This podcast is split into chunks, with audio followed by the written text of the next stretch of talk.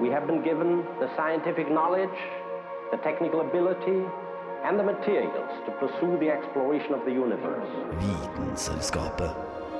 Stedet der vitenskap møter underholdning. Ignition sequence start. Six, five, four, three, two, one. It's one small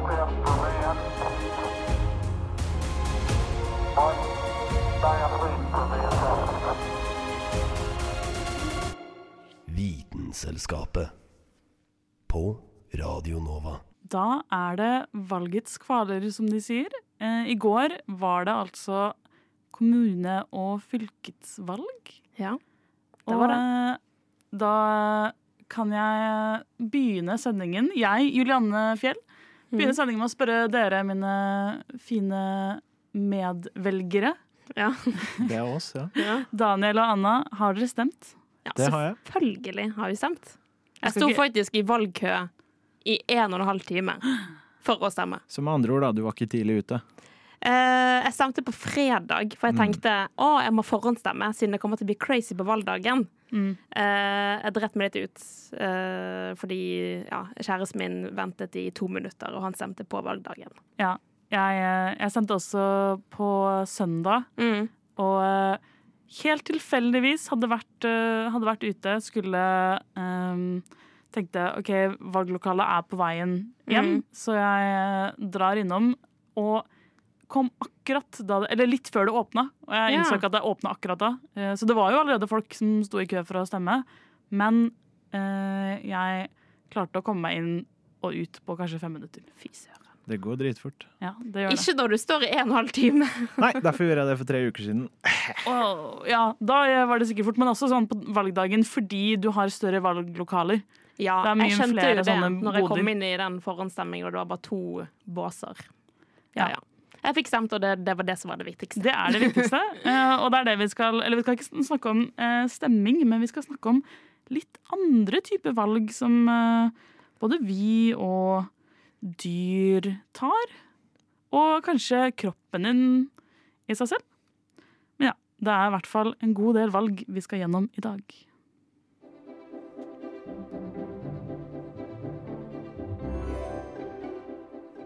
Ja, du hører helt riktig. Du hører på Vitenselskapet på Radio Nova.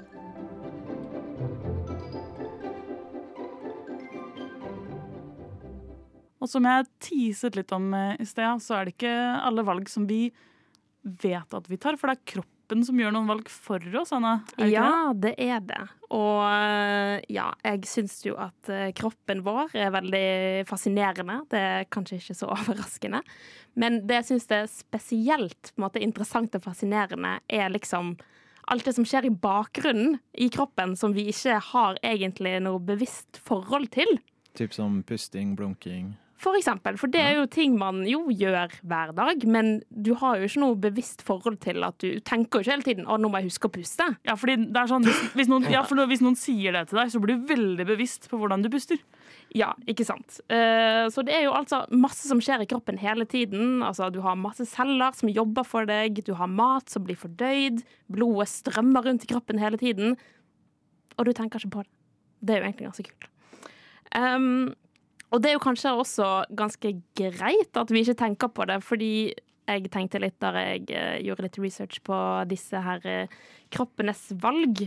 Um, tenk så ekkelt det hadde vært hvis vi faktisk uh, hadde følt alle valgene kroppen vår hadde tatt. Det hadde vært veldig stress. For eksempel du kjenner at å, nå skiller jeg ut kjærlighetshormon, for nå skal jeg bli forelsket i deg, Daniel. Eller eh, nå kjenner jeg at det blir sendt ut elektriske impulser til armen min, og så beveger armen min. Altså, det hadde jo vært utrolig ekkelt å tenke på. Ja, ja, 100% Altså, jeg har jo spilt et spill som heter Quop, eh, som eh, egentlig er ganske enkelt. Og det, eh, det høres ut som du kjenner til det. Ja, jeg skjønner til det, men du skal få lov til å forklare Ja, spillet Ja, det er siden du begynte på det.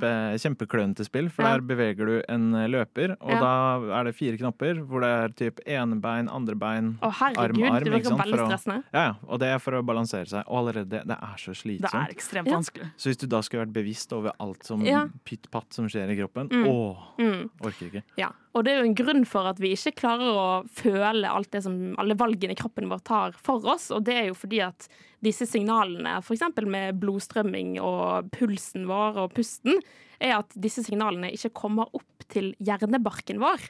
Og det, hjernebarken er liksom den som er nærmest skallen, da. Og det er der liksom eh, bevissthet dannes, sånn at vi får et bevisst forhold til hva som skjer. Um, men vi har noen eksempler på der um, på en måte um, Vi får en følelse av at kroppen har gjort noen valg for oss, uten at vi har valgt de selv, på en måte.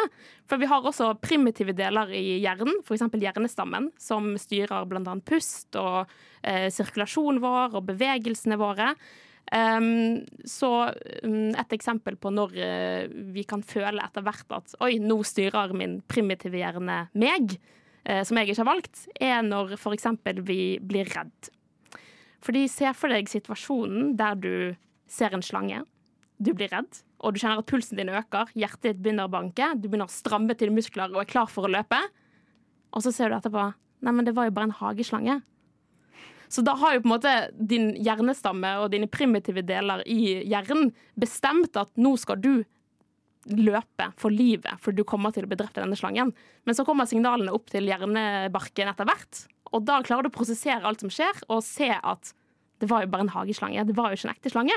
Så det er noen ganger det er greit at vi kan faktisk eh, gå gjennom det manuelt også.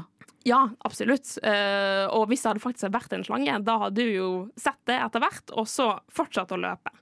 Um, så det er litt sånne her uh, På en måte andre eksempler er jo også um, for eksempel når Hva var det jeg skulle si? når du mister balansen, for eksempel. Når du går rundt i byen eller hvor enn du måtte gå, og kjenner at du mister balansen, men så klarer du å hente deg inn igjen. Det er jo også et eksempel på For da klarer jo hjernen og de primitive delene til å rette opp balansen uten at du selv tenker nå kommer jeg til å falle. Du tenker etterpå å, fjo, det var flaks at jeg ikke eh, falt. Men henger det, henger det litt sammen med liksom, når man kanskje er litt berusa, eller til og med bare sliten og eh, ikke klarer å rette seg opp like lett, da? Ja, ja. At hjernen Altså, kanskje ikke fungerer like Du greit. har jo et balanseorgan i øret, i det indre øret. Det er en sånn væske som eh, er med på å eh, på en måte, ja, Inni dette balanseorganet der, som gjør at du kan holde balansen.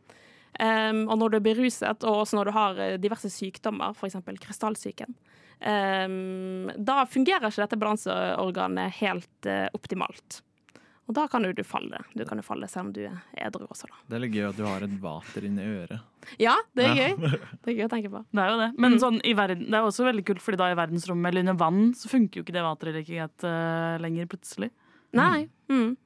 Men uh, det var veldig spennende å høre om, uh, høre om valg som kroppen på, på en eller annen måte demokratisk tar, kan ja, man si. Ja. Ja. Du hører på Vitenselskapet. Tirsdager klokken ti til halv 11 på Radio Nova.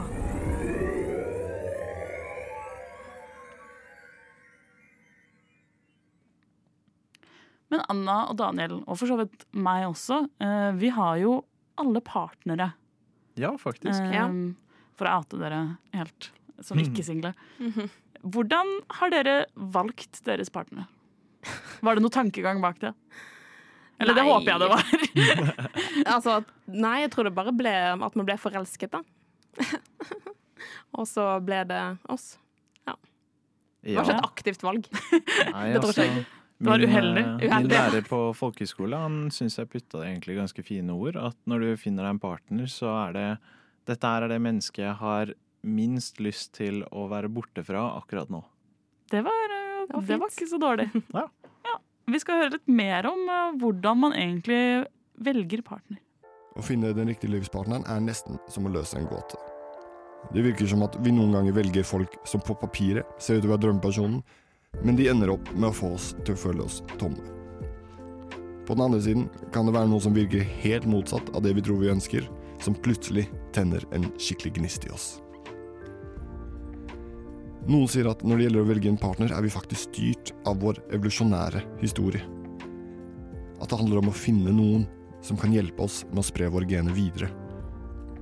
Sånn sett leter menn som regel etter kvinner som ser ut som de kan få sunne barn. Den personen kan komme i alle størrelser og er egentlig bare en måte å signalisere fruktbarhet og god helse på. På den andre siden ser det ut som at kvinner leter etter menn som kan bidra med ressurser for å gi barna best mulig oppvekst. De leter etter intelligens, kompetanse og ambisjon. Og det virker som at de også liker å finne en partner som får de til å føle seg trygge. Forskere har dog sett en endring i det her. Denne skalaen har blitt mye mer balansert i den moderne verden. Kvinner ser etter menn som ser ut som de kan få sunne barn, og menn ser etter kvinner med intelligens, kompetanse og ambisjon. Men hva med folk som ikke nødvendigvis tenker på å få biologiske barn med partneren sin? Vel, det er en hel del teorier om det også. Noen tror at vi prøver å finne noen som passer til våre egne verdier og mål. At vi velger partner basert på hva begge tror og føler om visse kulturelle og samfunnsrelevante temaer. Andre tror at vi søker partnere som får oss til å føle oss bedre med oss selv, eller forbedre vår status i andres øyne. Valg av partner kan påvirkes av en rekke faktorer, inkludert kjemiske signaler som kalles feromoner. Feromoner er kjemiske forbindelser som dyr og mennesker skiller ut for å kommunisere med andre dyr av samme art. Disse kjemikaliene kan påvirke oppførselen og tiltrekningen mellom to individer. I dyreriket spiller feromoner ofte en viktig rolle i paringsatferd. Eksempel kan enkelte dyr bruke feromoner til å signalisere fruktbarhet og tiltrekning til potensielle partnere. Når det dog gjelder mennesker, har forskning vist at feromoner også kan spille en rolle, selv om det er mye mer komplekst og mye mindre forstått enn hos dyr. Noen studier har antydet at mennesker kan oppfatte og reagere på subtile kjemiske signaler fra andre mennesker, spesielt i forhold til det seksuelle. Imidlertid er det også viktig å merke seg at feromoner er bare én av mange.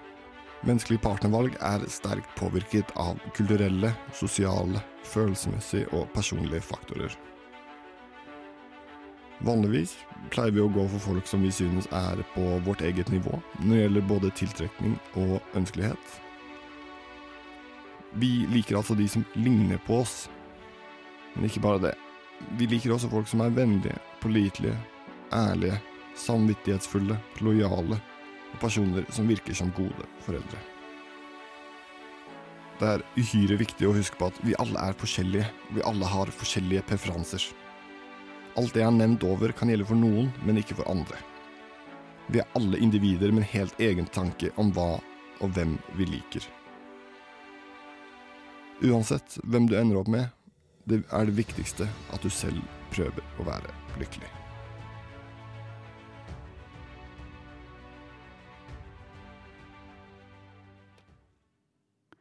Denne saken ble laget av vår partner Jonathan Malmberg.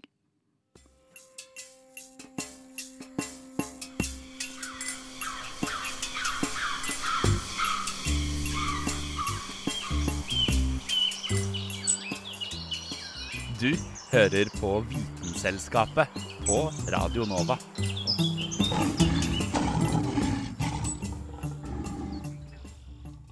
Dere har sikkert hørt litt eh, om sånn type alfahanner. Ja. Eh, det er noe man hører på eh, spesielt eh, i podkaster, føler jeg. Og vi skal da være en holdt på å si, podkast slash radioprogram som snakker litt mer om den myten. For det handler jo om hvordan spesifikt ulver da, i flokker velger sine ledere. Og det, ja, så det går ut, ut ifra at det er en sånn alfahann Mm. som tøffer seg mot uh, alle de andre hannene, og, eh, og da blir lederen deres. Mm. Som i dag er deg. Ja, jeg er alfahunden, da. Men Ja. eh, blant, eh, blant ulver så er det hanner som er ledere. Det er det uansett. Mm. Så den delen uh, av på den uh, setningen uh, er ikke helt Mm. feil. Nei. Men eh, det som er litt feil, er at når man studerte disse hannene, så hadde man da tatt hanner fra forskjellige flokker. Og som regel så består til vanlig så består flokkene til ulver av familier. Så det er hannen og hunden og deres barn, kanskje liksom forrige års kull Mm. um, så videre. Men ikke så, ikke så gamle, men liksom et par år kanskje til de er tenåringer eller noe. Ja. Kan dra alene og lage sin egen um, liten flokk. Mm. Men det de da har gjort når de skulle se på Når de fant opp denne alfahann-teorien, var at de satte sammen flere hanner fra forskjellige flokker. Mm. Som da Som de har sagt, de, som, de forskerne som så på dette her, blir litt som å sette Som å se på um, mennesker i fengsel. Hvor du plutselig blir litt mer sånn Blir litt aggressiv og skal liksom etablere dominans, da, som de sier. Um, men at det naturlig i sine vanlige flokker, så er ikke det noe som skjer i det hele tatt. Nei, for de antar jo Eller nå kan jeg ikke så mye om ulver, men at det bare blir sånn. Men selvfølgelig når to alfahanner møtes, det må jo bli Ja, eksplosivt. på Men altså, sånn, til vanlig i deres flokk da, så er det helt vanlig at det er eh, hannen som er eh, den som står først, Mm. og så er hunden etter det, og så bak henne igjen da, så kommer alle barna i, uh, i liksom, holdt på å si, synkende rekkefølge. Da. Så den eldste ungen da har mer dominans enn den Yngste. yngre, ja, yngste Mm. eh, av søskenflokken. Men det er jo også sånn at sånn som med, uh, med mennesker, som kanskje hvis du sliter litt med økonomien og må delegere litt mat, så går det mat til barna først. Ja. Så hvis de eh, plutselig har veldig lite mat, så er det barna som får mat først, Mm. før de får spise. Kvinner og barn først. Ja. Alltid. Men det er også sånn, da, eh, som jeg sa, så er det noen ganger de har eh, fjorårets kull fortsatt med seg. Og hvis de da eh, spesielt sliter med å få mat, eller uansett egentlig, så får de spise sist. Fordi de er litt sånn sånn Du burde egentlig gått og stifta din egen familie. Ja. Uh, men vi skal la deg Du er med, men du spiser etter de andre er mett. Er liksom. sånn irriterende sønn som aldri flytter ut fra barndomshjemmet. Ja. Sånn ulvesosialhjelp. Ja. Men uh, så han, eller en av de som har skrevet denne boka, da, hvor det ble uh, først snakka om ideen om alfahanner blant ulver, har jobba veldig hardt for at den boka skulle slutte å bli liksom solgt og printa i det hele tatt. Okay. Eh, fordi at det er jo feil, da. Altså, Mm. Det er jo det som skjer i, i vitenskapen, at plutselig så finner du at noe du har gjort Ja, det er en bok, ja, ja, det er en bok fra 70-tallet som da så klart er utdatert, og han var sånn OK, den, den må vi ikke ha ut lenger, fordi eh, det fins bedre forskning. Ja. Og har da skrevet en ny bok på, tidlig på 2000-tallet, tror jeg, som da har mer riktig versjon av det. da. Og det er jo da lenge siden den har blitt oppdatert, den informasjonen, men det Mm. har jo ikke, det har ikke blitt formidla til mange av disse podkasterne der nei. ute. Nei, for da regner jeg med at den nye boka ikke er like populær heller, da. Det er jo litt kjedelig at Ja. det liksom ikke er en kamp mellom to uh, hanner. Så jeg kan se for meg forskeren liksom stå utafor bokhandelen og sånn Nei, nei, nei, ikke rør den der! Nei, jeg har en ny en! Og de er, nei, men det er ikke like kult. Nei. Det er jo ikke, det er ikke helt det samme. Det er ikke så gøy å måtte innrømme at du har feil. Det er jo det som er, da. Ja.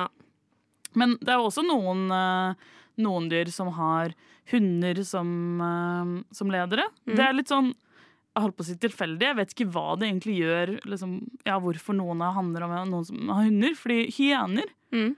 eh, der er det hundene Oi. som er eh, som er ledere. Og det, det er litt sånn gøy, fordi det jeg fant om det, var litt sånn Det er som populære tenåringer. OK. Eh, Så se for deg at det er liksom som tenåringsjenter, fordi, og det er også veldig gøy når du tenker på hvordan hyener er, som bare holdt på å si ler hele tiden. Ja. Um, men fordi de har et sånn sosialt hierarki, og det sosiale hierarkiet arver de av mødrene sine. Ah. Så hvis moren din er populær, så blir du populær. Oi, så kult. Hvis moren din er en cheerleader, så blir du også cheerleader. Ah, nice. Og da står du øverst på rangen eh, for å bli lederen til neste generasjon. Vitenselskapet. Vitenselskapet på Radio Nova.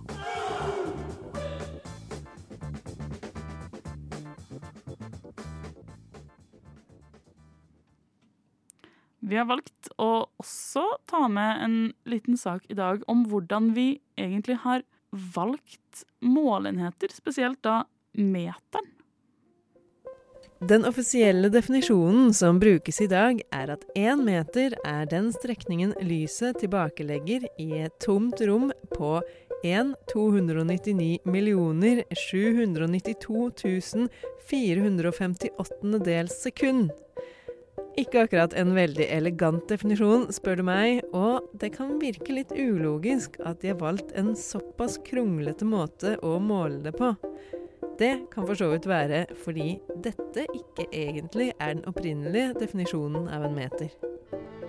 Historien om meteren starter helt tilbake på 1670-tallet. Da lekte man nemlig med tanken om å lage et mål som var basert på en helt uforanderlig fysisk eller geofysisk størrelse.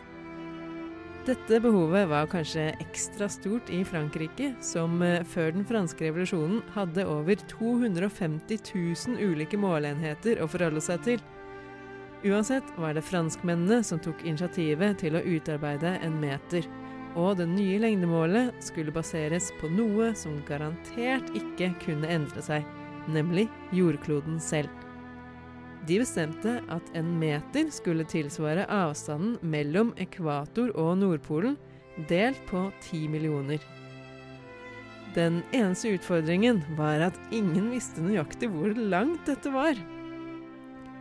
I 1792 ble to franske astronomer sendt til henholdsvis Barcelona og Dunkerque.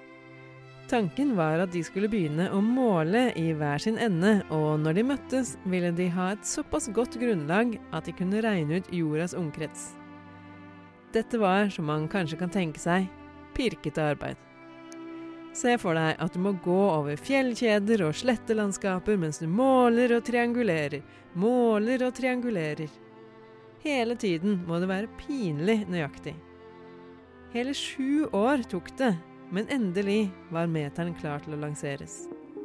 Basert på utregningene de to kom fram til, ble det laget en meterstav i platina, som ble selve meteren, som alle andre metere ble målt etter. Allikevel skulle det ta nesten 80 år før den nye måleenheten slo an. Ved den såkalte meterkonvensjonen i 1875 ble meteren vedtatt som en internasjonal målestandard, og det ble støpt opp nøyaktige kopier av den franske meteren.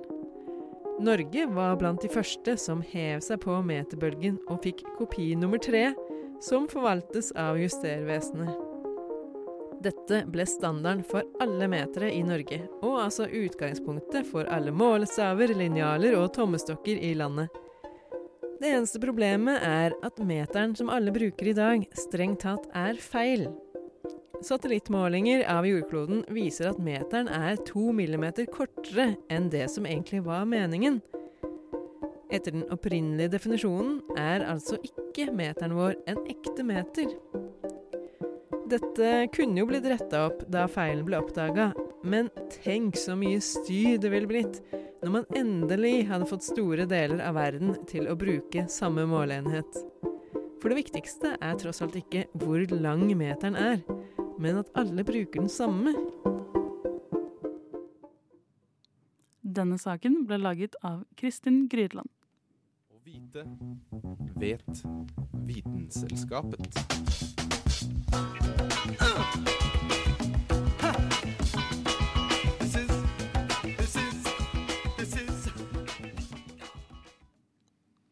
Vi har eh, enda flere valg å ta i dagens sending, eh, har vi ikke det, Daniel? Jo da, og dette her kan til og med være valg du ikke tenker over engang. Men ikke like i samme form som at du ikke tenker over at eh, hjertet ditt slår eller at du puster. Men er rett og slett det at du ikke tenker deg om. Fordi eh, det pleier jo faktisk å dukke opp en gang iblant på YouTube eller eh, typ sånn Instagram Reels eller TikTok.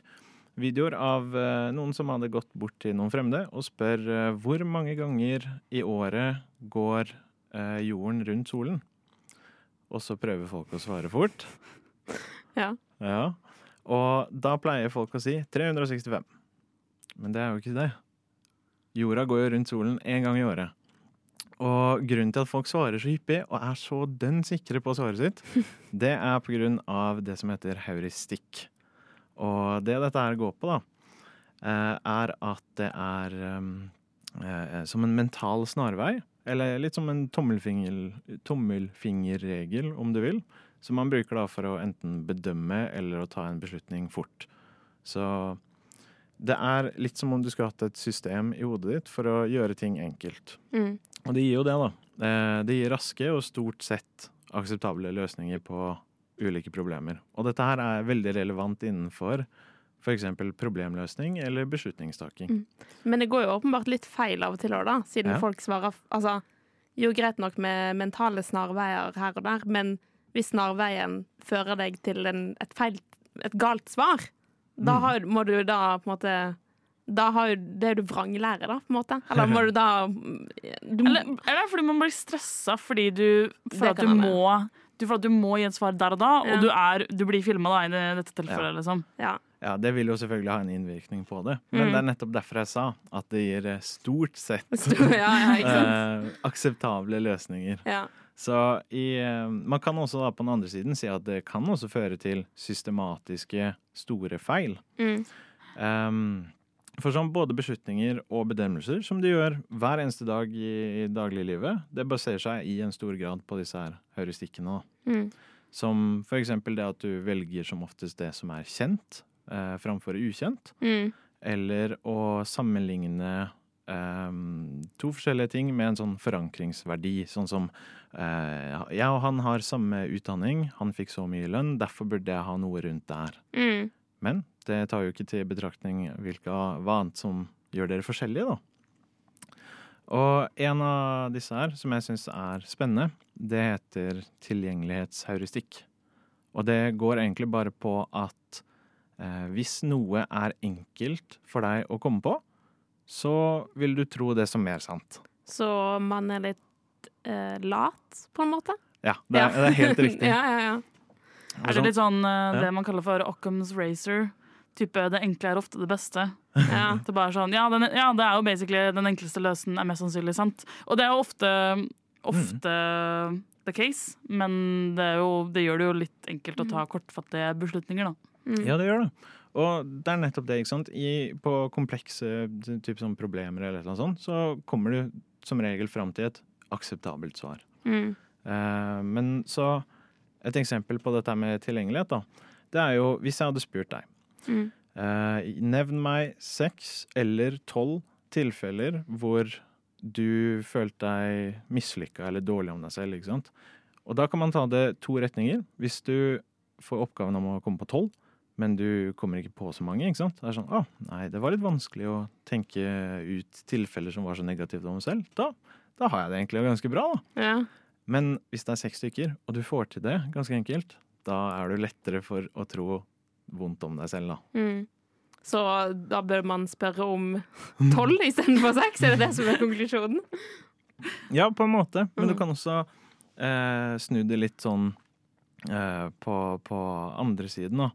At hvis eh, lettheten ligger til grunn Eller altså hvis lettheten um, er, det, er høyt, så vil det Ga det mening? Om det, at det vil virke som mer sant? Mm. Mm. Ja. Um, ja, det var egentlig stort sett om det, og da håper jeg det at folk tenker gjennom hva de gjør, og hva man vil. Ja, det, må- men det høres jo litt ut som sånn det, Hva var det det het, sa du? Heuristikk. at det er mer sånn vanesak, på en måte. Det er Ja. sånn, Dette har jeg alltid gjort. Det funker. Jeg bare forts- liksom, Enkelhet er ofte det beste. Ja. Og hvorfor er det enkelt? Fordi det funker hver gang. Ja. At det er litt sånn Ja. ja det, hvorfor skal ikke det funke nå også, liksom? Det pleier som regel å funke. Da Ja. pleier det å gå bra. Mm, Da går det sikkert bra. da går det bra.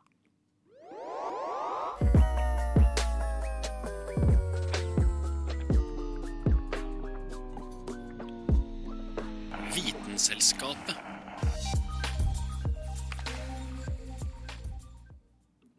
Det var dessverre det vi hadde for i dag. Men takk for at du valgte å høre på oss.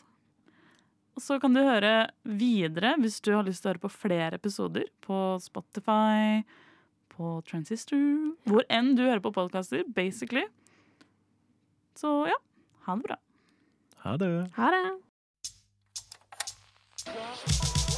Radio Nova.